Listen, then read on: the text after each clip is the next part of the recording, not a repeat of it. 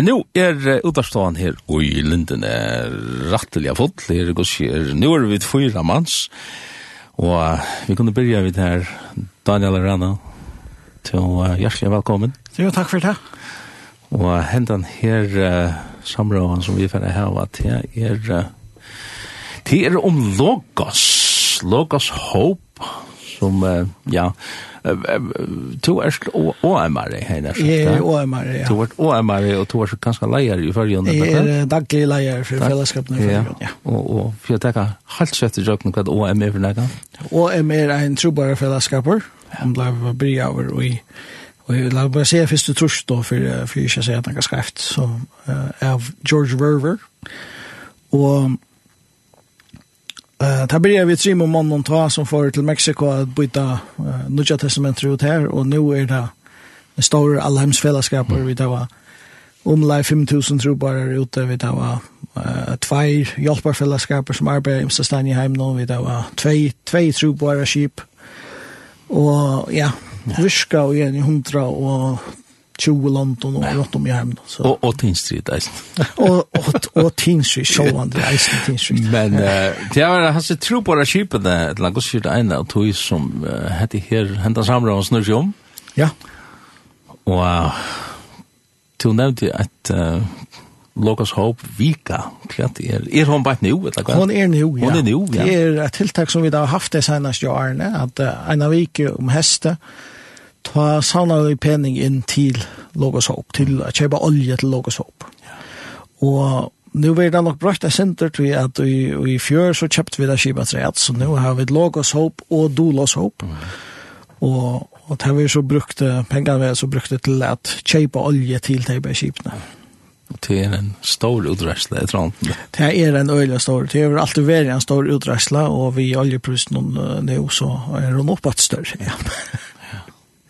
Og hette her er så et ordentlig tiltak som de har haft, og det har det så atter, atter nå. Ja. ja. Og hvordan skipet de fire hese her vikene? Nei, enda vika snur seg, uh, først og fremst så snur det seg om å vitja folk og, og bia om penger. Mm. Altså, vi vitja fyrtøk, vi vitja ståner og, og spyrir om det og hod til at uh, vera vi og i arbeidene som, som uh, Logos Hope gjør. Det er tarra møyla ikke at at vera en parsre av til heila. Ja. Og, og så heita vi deisen jo av til okkara, okkara limer i OM og til som fyllt jokna sosiale milen og til dem som eisen at at spyt oi og vera vitla til a stole hesten arbeid. Vi hava, vi hava øyland folk som kvann mana flyta pengar til, til olje, til og så. Ja så vi kunde ända för vi en kontonummer nu och upplysta man alla löte katt. Det har kommit gott. Ja, ja minnas lite att är Sendingen är nio. Det är ju ett fantastiskt, ett fantastiskt tilltag. Nu spyr jag sin närmare, men kvar är logos hope by new. By nu är nu i Tanzania. Ach. Dar es Salam. Ja. Och hon kom här för några dagar sen och ville jag ju när det är rätt och så gånger lejen till eh, først til Mauritius, og så til Mosambik, og så til Sur-Afrika. Det er jo gamla norrøna vi snakker om. Det er gamla norrøna. Ja, vi er eierna. Vi er eierna enn, ja. Og eierna. Ikke og er smirel, men... Ja, norrøna er vits. Ja, norrøna, ja. Det är fantastiskt. Så jag rönjer sig att det vitt der, så reglelig at nå tog jag på at de takker norrna heim en tur at. ja. det var inte kostar gånger. Nej, ja. Og meningen var at jeg skulle komme og i 2020. Ja.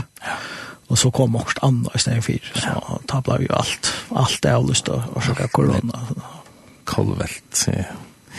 Men uh, vi har gester uh, här i Udarstående och här är uh, inte minst tvär tvär man som uh, ja, jag vet inte om, om vi presentera presentera det. Should we take you first, my friend?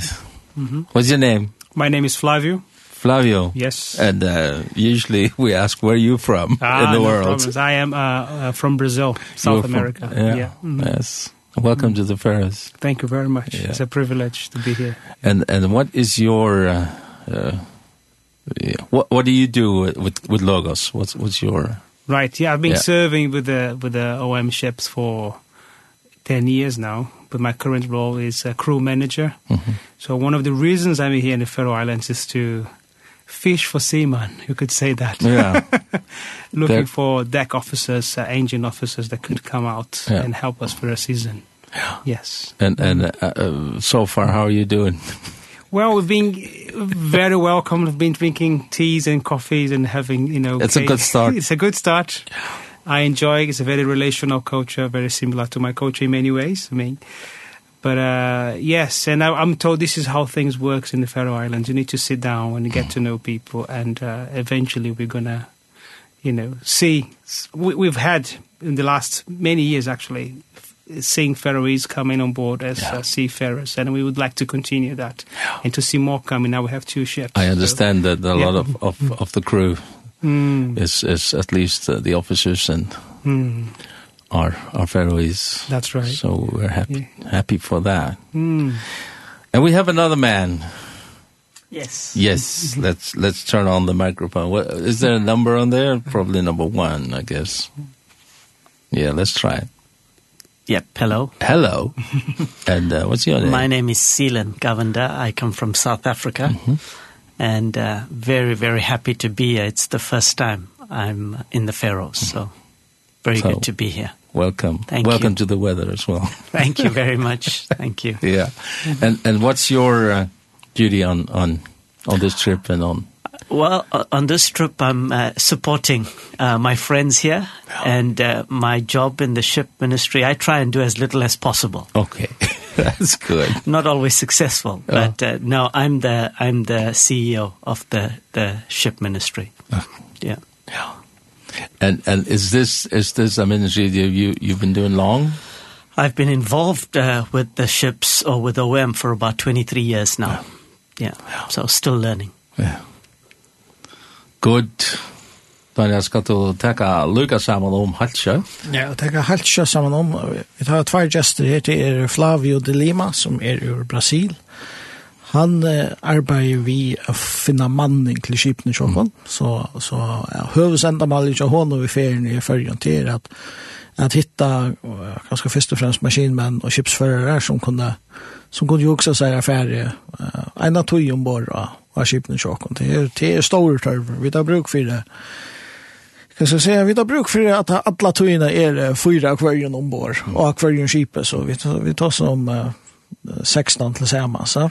Så, så det är, det är stora törver att vi. Vi är ju så häpna att, att det öliga ofta är det föringar. Antna brunne, ettla i maskinrummen och, och allt som någon Og ta vi kunde huske oss at det ble så løs at det alltid var minst en føringer ombord, så det, det er stolt Det er da, vi er nästan her, men til dømes nu i desember, nu er det ønsken, så Uh, og så er Selan Govender eisne, han er surafrikanare, og han er stjåre fire skipatennastene tja år, så han er hovedsarbeidene av, av ødlån som er vi skipene med å gjøre. Let's take uh, that question of, of, of um, crew um how how how would you describe I, I could ask how, what bait do you use to get to get people uh, right. uh, yeah. Yeah. Let, let's let's get here at sales uh, sales sell it to us. You know we've been discussing that uh, uh actually and um you know what do we offer? Eternal. Yeah. reward in God's kingdom. Uh but for sure Uh, it is a unique opportunity, and I think those who have been on board can tell, can you know, speak of it, especially if you are able to come. Like myself, I was on board the ship with my family for four years, and it's a brilliant uh, opportunity to experience culture and experience you traveling around the world and you see God at work in different locations a lot of uh, breakthrough that we see uh when we for instance, permissions or something break down where we are in desperate need of something and suddenly the Lord provides. So you see your faith is uh, strengthened when you are out there. So that's one of the things. You know, community, seeing God at work, experiencing other cultures. So I think it's uh, it's a massive reward if you think about it. Um, but I mean, we understand it's also is a seasonal work. You know, can be for many Um, how, yes, how, um, how, how long, uh, how long uh, is, is the least time that, that you recommend people to be on board? Yeah. No, we, we are quite flexible these days and we would like to see people coming for, you know, few weeks, a month, two months, three months, of course longer if they're able to do it, but there is certainly a lot of flexibility these days you know, and uh, and this is part of our conversations, you know. Could we have a rotation? People come and go, so we always have a Faroese on board mm our vessels. Mm. Nice. Yeah, yeah. And and, and and we're talking about actually the the both boats, yeah. not, not only Hope but yeah, the Dulos Hope as well yeah. in Southeast Asia yeah. and in Thailand right now. Yeah, yeah Thailand. Mm. Yeah. So, skal du omsette deg sin tur? Ja. Yeah kvært kvært er lukka som akne vi brukar til å få få maskinmenn og og skipsfører om bord at det vi vi kunne ju inte bjuda dem en gå lön eller eller et nytt skip som kan ska reier og och innan her i färjan. Eh men vi tar jo sånn det en en en ärviga lön å bjuda på. Eh men så är det isen alltså møleisen er vara vi och i världen och i tog som god ger rundt om i heimen uh, å være en parstre at du tror på henne arbeidet. Um, ikke, ikke beinleies vi til å prate evangeliet eller noe sånt, men, men vi tog som det dår. Vi, vi at vi er nere i maskinen, eller vi er stand av brønnene, så, ja. så kan du være parstre at du arbeidet. Og sjående, jo langere man kan være ombord, jo bedre for stabiliteten av arbeidet, men, men uh, nå røyner vi eisene det således at man kan färra alltså alltså för sig show man till dem så att här kunde färra ombord och och låga så på eller så på i mitten turen där som där annars är så så tog vi tar så två veckor tror jag veckor ganska en månad där där ber reisen till akra till några som det är för vi finner det av nu i lötna hur vi kunde hur vi kunde göra det och på en god mat Yeah, like, uh, my plan was to play a little bit of music as well for our listeners. I don't know if you you can think of some some music, some songs if if uh, if you have any suggestions or or wishes for that. So let's let's hear about OM or or this this uh, this uh, ministry as well. Uh, stories. I want to hear stories. I like stories. you know, what is God doing around the world or or at least recently? Yeah, I I I think the big story uh that we're seeing uh multiple uh organizations around the world is the breakdown of the separation between the sacred and the secular. So as Flavia talked about people using skills in this case seafarers I think the big story is that God is using all of his people all over the world to proclaim who he is. Mm. And it's not no longer the superheroes that we dream about that give up everything, but God is using people in where they are to be salt and light uh, toward his kingdom advancement in the world. Uh, really, I, I believe the biggest story is, Flavia talked about it, what is the value add for people serving on board the ship? Uh, three months ago, I was in Basra, Iraq, where Logos Hope was invited.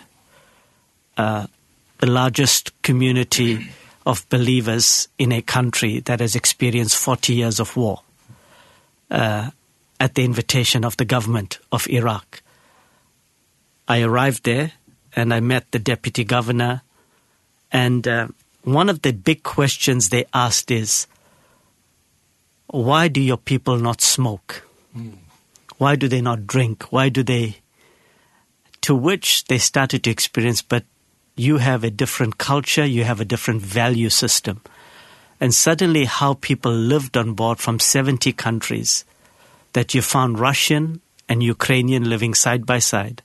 You found Egyptian and Iraqi and, and Syrian living side by side without what we see in the world today they said there's a place of shalom, there's a place of peace, there's a place of connectedness that they're experiencing, and that community became very attractive. And every day, it was during the month of Ramadan that we were there, for 10 days, over 90,000 people, Iraqis, visited the ship. First time in their life coming in contact with a community that displayed their love for God and their love for the Iraqi people. And they felt tremendous dignity and honor, very open to conversations about life and God and worth. And that for me would remain one of the most significant visits in our 52 year history. We've never visited Basra, Iraq. So it's it's like it's it's proof that the gospel is real. yeah. yes. Cuz you don't know got to take out. Yeah, it's right now. Yeah. Um, se längre ifrån att att det som vi upplever uh, och som några är organisationer är ni upplever att det är ett en en uh, nye broting at muren og i middelen til, til heilava og til gerandeslige, at man meir og meir ser til at folk kunne bruka sutt starv eller sånne, sånne førlegger til at, til at uh, bæra glede i bådskapen her som det er, ja og bruka til æresnavn i eisene. Um, fyrir jo er så var vi uh, så var Lukas Hopp for første fyr i Irak. For det er nærkant, og jeg tror så en show som jeg har haft oppleva krutsch i fjörd jo er, var det minne, og var bråte. Og det var støttenen i Irak som bjøa jeg, og, og om kjipsa koma her, vi, vi låg Hopp til Basra. Og, og en av spurningene som det finner nok så ofta var om hvor til tydligt at, at uh, tikkar om mentan er annerledes. Altså tid er jo ombord og her byggva, her byggva russare og ukrainare soj om soj, her byggva israelar og palestinar og egyptar soj om soj og, og i frie og i sott og semje kvært. Uh, hva er det som gjør det? Og, og den fellesskapen som så var ombord, som de så i middeltid som var ombord, var øyelig uh, tiltalende for de. Mm. Og vi så, dette var med en ramadan var, uh, at, at skipet var i, i Basra, og en halv fems tusen folk vidtja vi ombord, jeg ser, tog som skipet la her. Yes. Og for noen timer så var dette første fer at jeg møtte noen som fyllde Jesus. Og første fer at jeg så hvordan det er samfunnet i seriøt, hvordan det kunne leve sammen. Det skal flott. I think we'll hear a song. I have a song here from Keith Green. Um, let's say, how can they live without Jesus? Let's hear that song. Vi får høre en sang her hvordan som kunne leva åttan Jesus. Til Kid Green som synger fyrir okken. How can they live without Jesus? How can they live without God's love? How can they feel so at home down here? When there's so much more up above?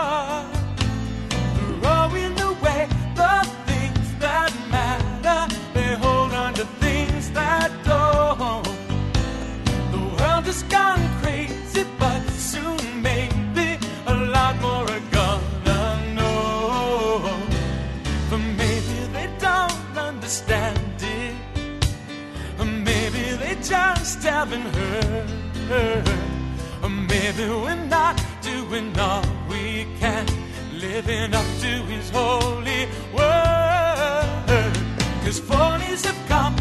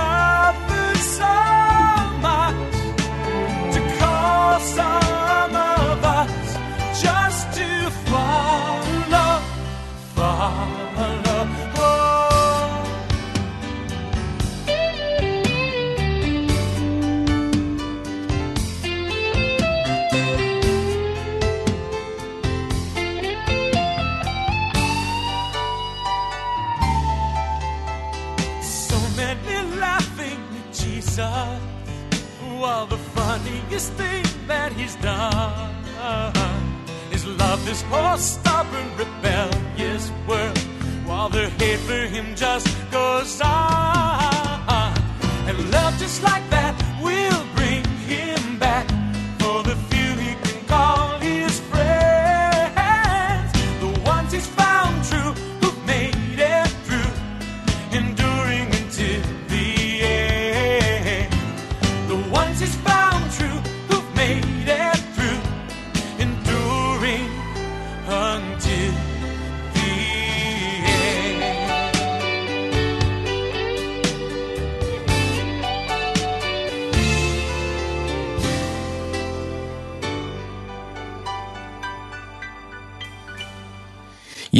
til lortet, eller to lortet, etter morgensendingen her, og linden er i henne løsendtikker av verster, og morgensendingen hun eider av bildet langt, og det er vi absolutt her i utvarstående, og linden i det, og vi er av bildet langt vi Logos, Logos Hope, og ja, nå er langt, langt siden at Dolas. Dolas Hope. Dolas Hope. Yes.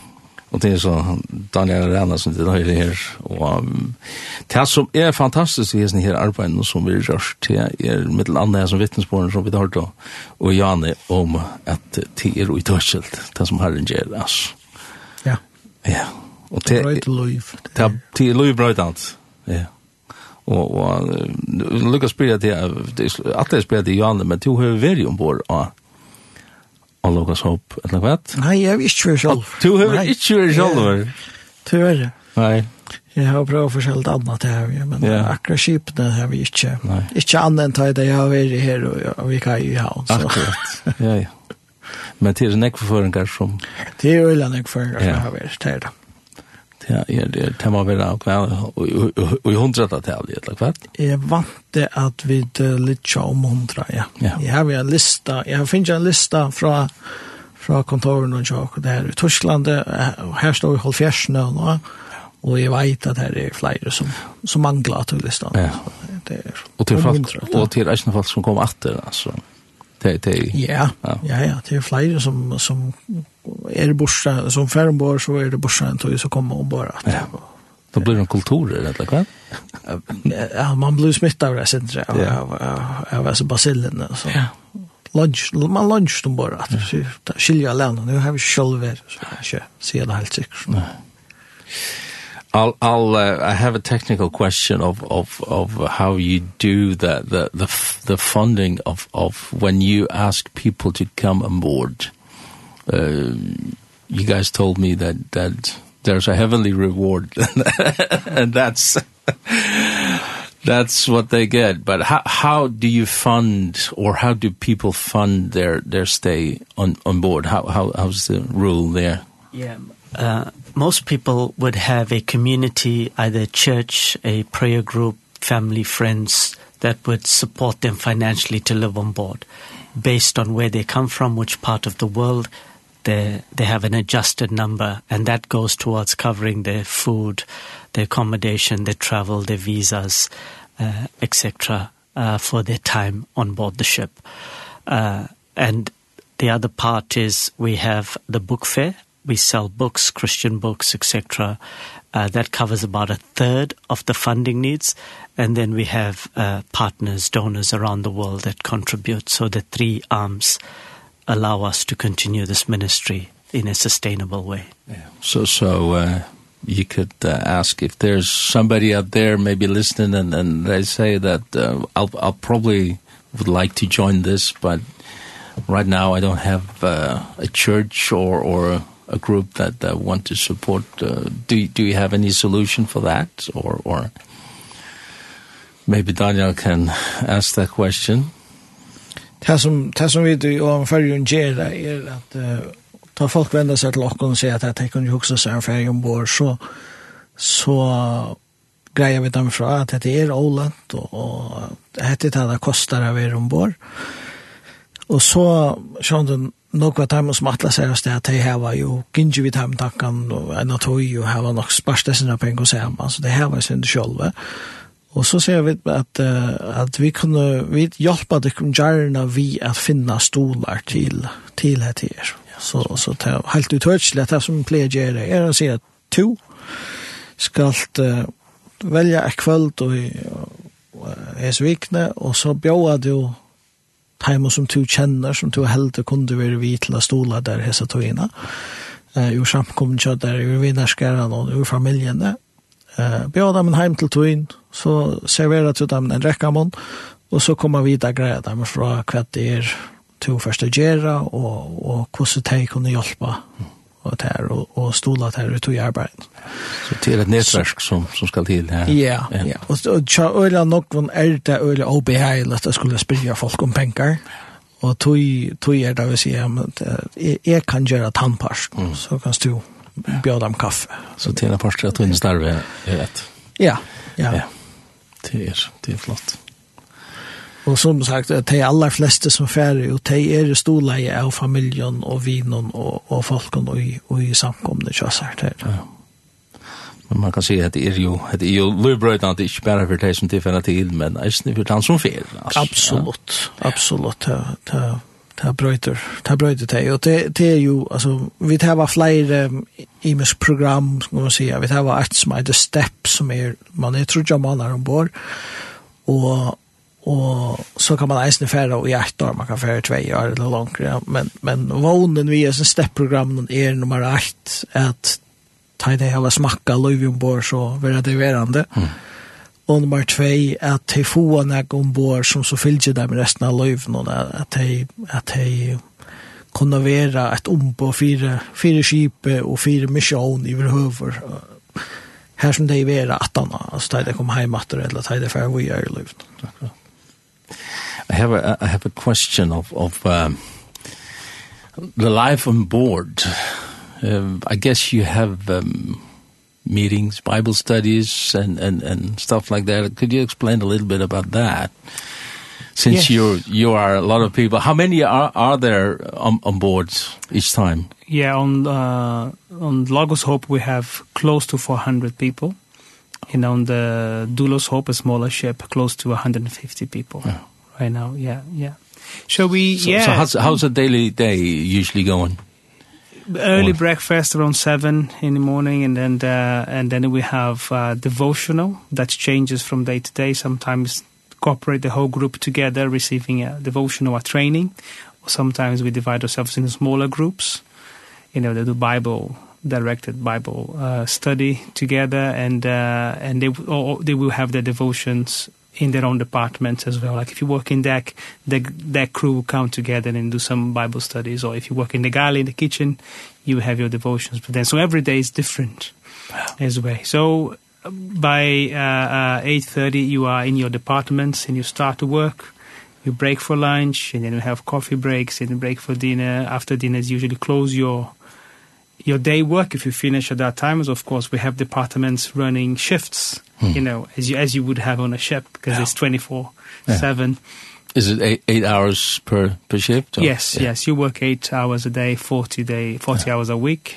Uh you have a day off and what we call a ministry day that you can go out and experience the culture and see join the local churches and local organizations as well reaching out to the local people. So and then you have your free time as well, sometimes mm -hmm. in the evenings, uh, if you work during the day which you can uh, engage with people and people will play games in the dining room like board games or they will go out to explore, uh, explore the country so you make good friends as well because we have local volunteers mm -hmm. and you make good uh, friendship with them they may invite them to their house and so each port each day is different but that's a it is a very busy mm -hmm. life and the pace of life is also very very dynamic you know Ja, ja, ja. Kan si Daniel om at det er av først kom 400 folk, altså, bare. Ja, og bare av Logos Håp, så er det omlai 400, og av Dolas Håp er det omlai 100, tror jeg. Og det er daglige løyve til det, det er jo andakt kvendt, ja. Ja. Eh, börja där det en en jantakt onkel då i en stor rumbulche så alltså somel onkel ju smärre husbalkon eller familjebalkon som det kallar det var. Och så eisne och då i vart det bort upp efter kvar det arbete. Ja. Alltså så maskinmänner har andakt samman och de som ger ranger har samman och kökrun samman så. Og så, så klokkan halv og nødtje, så er jeg til arbeids. Så ber jeg det. Så, har, så arbeider jeg alle det. Ja, stekker for at eta, stekker for kaffepasser og sånt, som, som er vanligt arbeid. Og til sånn at jeg vasker og, og vil lukke alt det, og, og, og sånn det. Og... Det her er alt mulig, det er bakasøla, ja, og så er det køkeren, og det er ranger, og det er uh, skole ombord, og, og alle går så opp er en skole ombord, her er uh, matnanger ombord, matnansink, og er flere familier som er bare time og, og, og at du kjøper noen. Um, Sjåan det er, er mer professionelle, altså maskinmestare og skipsførere, uh, laknar, ja. Uh, sjukrasister, tannlakne, jeg mangler tannlakne, jeg snakker tannlakne, sitter og lurer til, jeg har ikke haft tannlakne nu i flere måneder. Her bruker vi en tannlakne for en vår. Uh, så det er, det er øyne jeg for sårene. Ja det er jo en hel bygd som, som ska röras. Timmen og ja. rørleggere og allt mulig. Det er, här brukar vi ödl. Kåte, fältje och sjån, altså hva det heter. jo jo man och så det här är bruk för ødel. ja som du sier, det er en hel bygd Da. och man arbeider om life til man vikna eh några som står de er ju han i vakt om men de flesta är nog fra, fra från att alla fyra något til fem eller noe sånt Og så er ein dæver om vikna her som man brukar til uh, ministry, altså tjeneste, ta, ta fremmede i land og hjelper til vi åkere samkommer eller åkere fellesskapet vi at nå er ut til folkene her, som bygger gjørs noen. Og så har man eisne frytøy. Ja. Frytøy, eller frytøy ombord, og, og, som man kan bruka som man var derfor för vil. Och til sånn det sett upp till det så här är det her er det stover eller øtjer her man kan slappe av. Hun har så Flott, flott. Jeg hadde vært å høre et lea Arne, for jeg spiller jeg sinter om, om selv jeg hadde her som fire ganger i landet, møter og sorg og arrangere, men la kan høre her The Goodness of God til Nelson som synes her. Jeg sinter for jeg.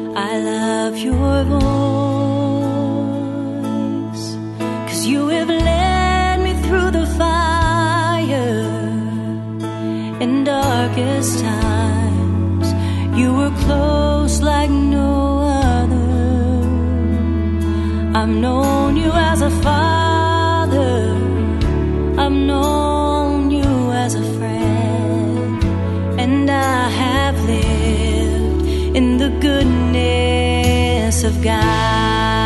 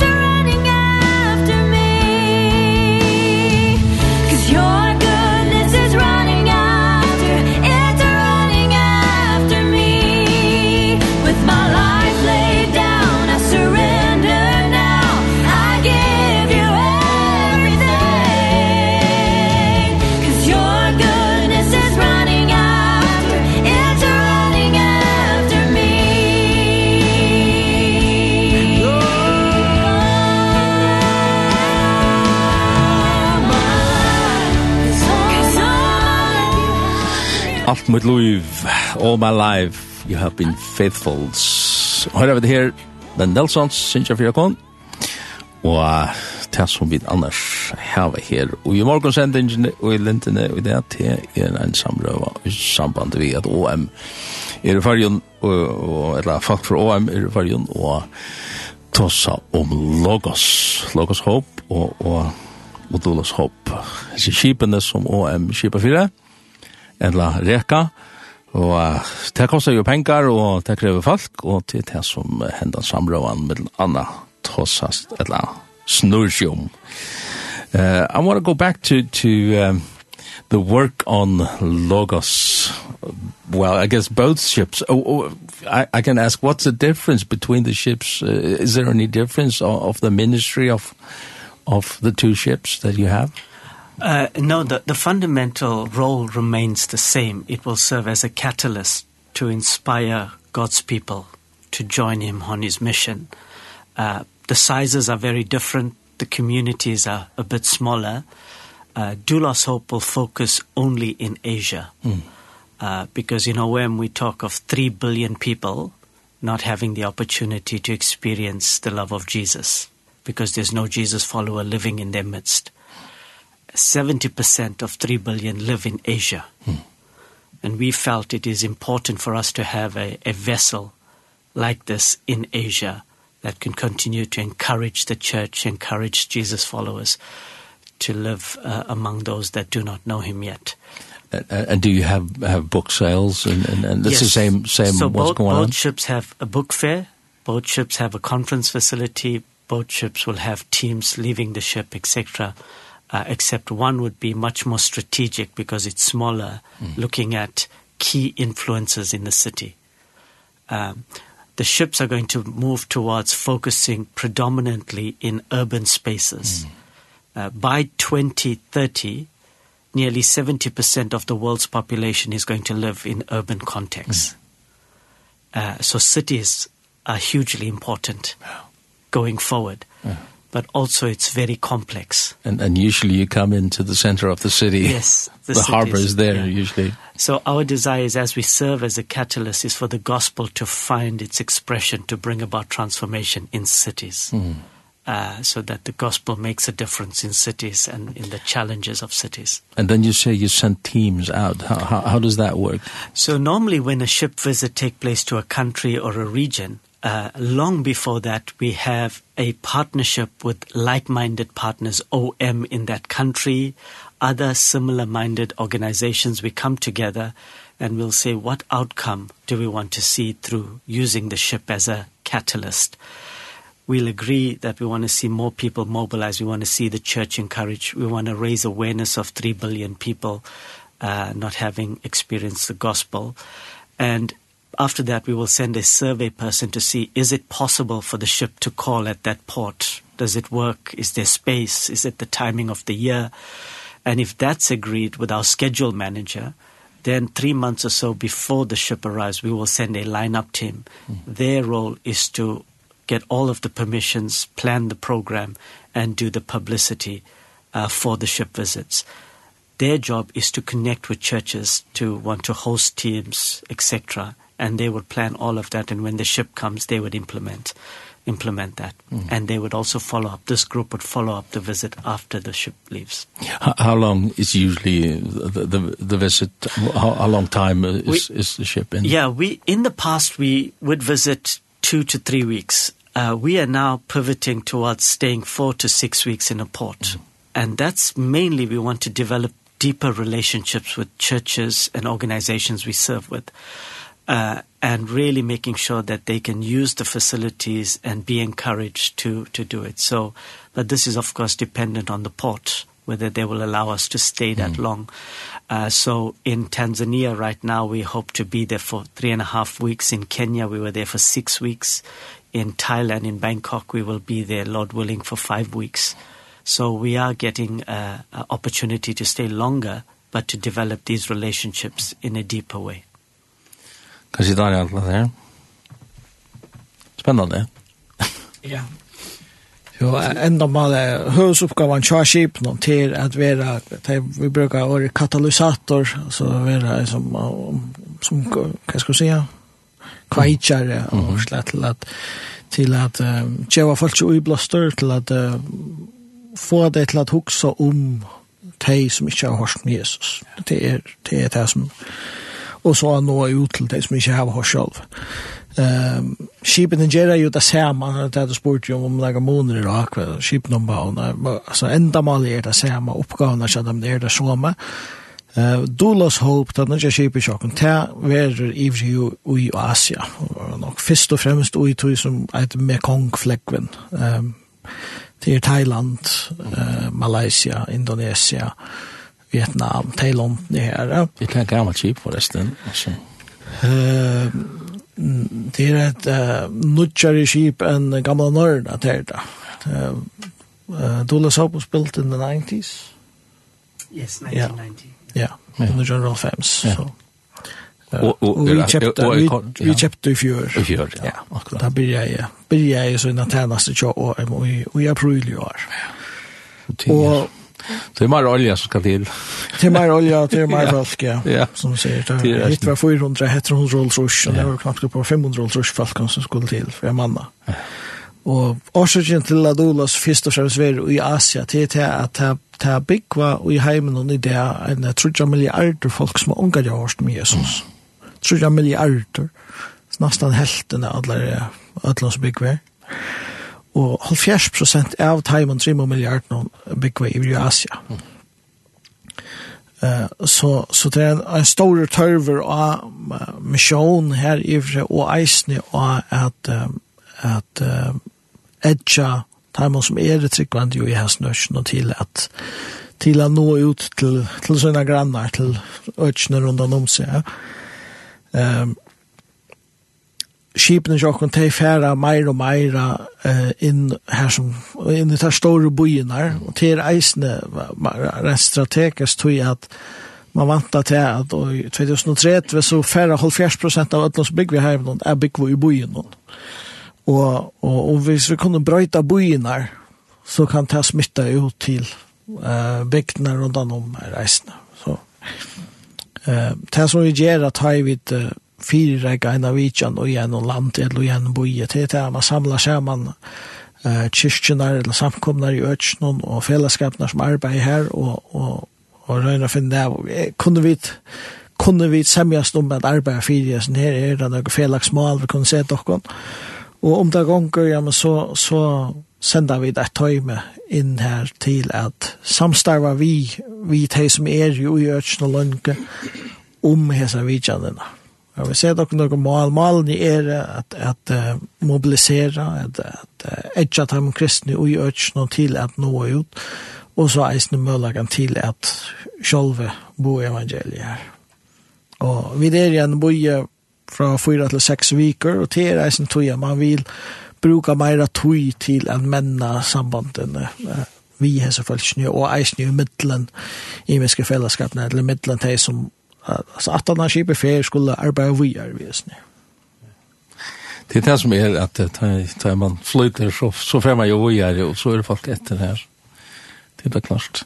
Uh, I, I have one last question to you all. And that's, uh, how, how did you plan the rest of, of your visit here? Are you, you having meetings or, or, or, or with uh Yes, I mean, we continue to uh, engaging with people one on one visiting specific people but also we have uh, gatherings uh, we and uh, I think Daniel will explain a little bit uh, some of the events I am speaking at a youth event in I believe it's Bethesda -hmm. Church in uh, Clarkswick and uh, look forward to that I think it's 9 o'clock tonight and then we have a an event on Sunday. Haskvalda, han mm. uh, we talk om. at yeah so we're connecting with people we have a, of course a family uh, hopefully joining us in January so we're looking forward to meet them and uh, yeah answer some of the questions and get the logistics uh, mm. organized yep yeah. mm -hmm.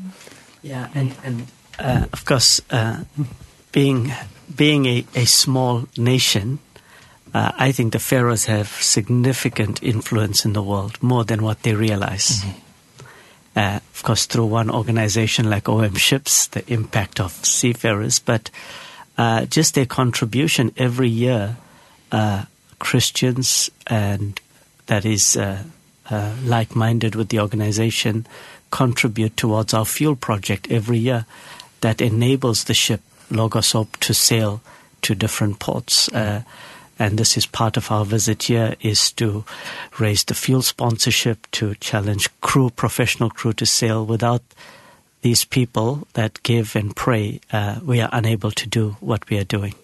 So huge thanks for that. Ja, spurning kan Daniel være hva ferdig det gjør resten av turen? Ta det er her. Som, som, vi får fortsette av det som det har gjort her til, altså vi får vidtja folk, Eh enda mal er jo som börjar vi att samla penningen till til att köpa olja till något såp og, og som vi da gjørs det senest i årene så så vi vet jo folk og ikke minst for att takka dem for at de har gjort det her til så og, og tid stolar som som høyre och tusen takk for tikkere stoleisene Eh vi skipar fyrir en og, en tackar kväll i kvöld höstkväll fire timer som här stola stolar skipen og, og så skulle det reisen tale imsa stedene. I kvöld skal, altså høstkvöld, hva dator er det, nøytjanda, uh, så for Flavio å tale av ungdomsmøtene i Bethesda i Klaksvik. Det er klokka nødtjø, det er ikke helt feil. Kanskje det er klokka nåtta, jeg håper det er klokka nødtjø. Mm. det er som pleganger, det er vidt gjødel for. Så uh, ungdomsmøtene i Bethesda i kvöld, høstkvöldet, Og så skal Silan, han om ungdomsmøtene i Philadelphia og i Gøte i andre kvöld, sprudja kvöld i 20. Det er som det kallar for EIOI. Mm. Uh, det er eisne klokka nutje. Og så sånne morgenen så fer Silan eisne at tala i Bethesda i Klagsvik. Av morgenmøtene her. Uh, Så hese fer så så leder det så så läs att att de flesta mötena är vet i norra parten av landet och så får det så tjocka nast för där komma och vi klarar att kalla man att kalla man bibelbälte. Ja, ja, ja, till till typ där hes for big brother är snär då i klassrum så det är så lättare. Akkurat. Till ehm början där samrådet ta nämnt om ganska kontonummer eller kurs till att stola men kanske närmare mat är bara Stefan innan hemma så innan tja OM. Hemma så innan OM och röla lött till det er www.om.fo. Ja. Og så hvis man scrollar alla vägen ner i botten så stender kontonummer. Det ständer kontonummer här. Det är för det heter folk om Så kan man så kan man vi mäscha olja eller eller logos eller offshore så ja. kommer pengarna rätta det. Ja. Det står det tid så. Hatt det her er nok den lattaste maten for det som har en lekkere hjerte at ståle her som megnar arbeid som ja. er gjørst kring, uh, ja, stora part av verden, ja. ja. Ja, og enda enda fyrir tusen takk fyrir det som, det som jeg har stola og det som ja, færre stola. I just want to say thank you very, very much for the conversation that we could have in this marvelous work that you do. And, uh, yeah, people can uh, join you in either in the ministry or at least tonight or tomorrow night to hear you guys mm.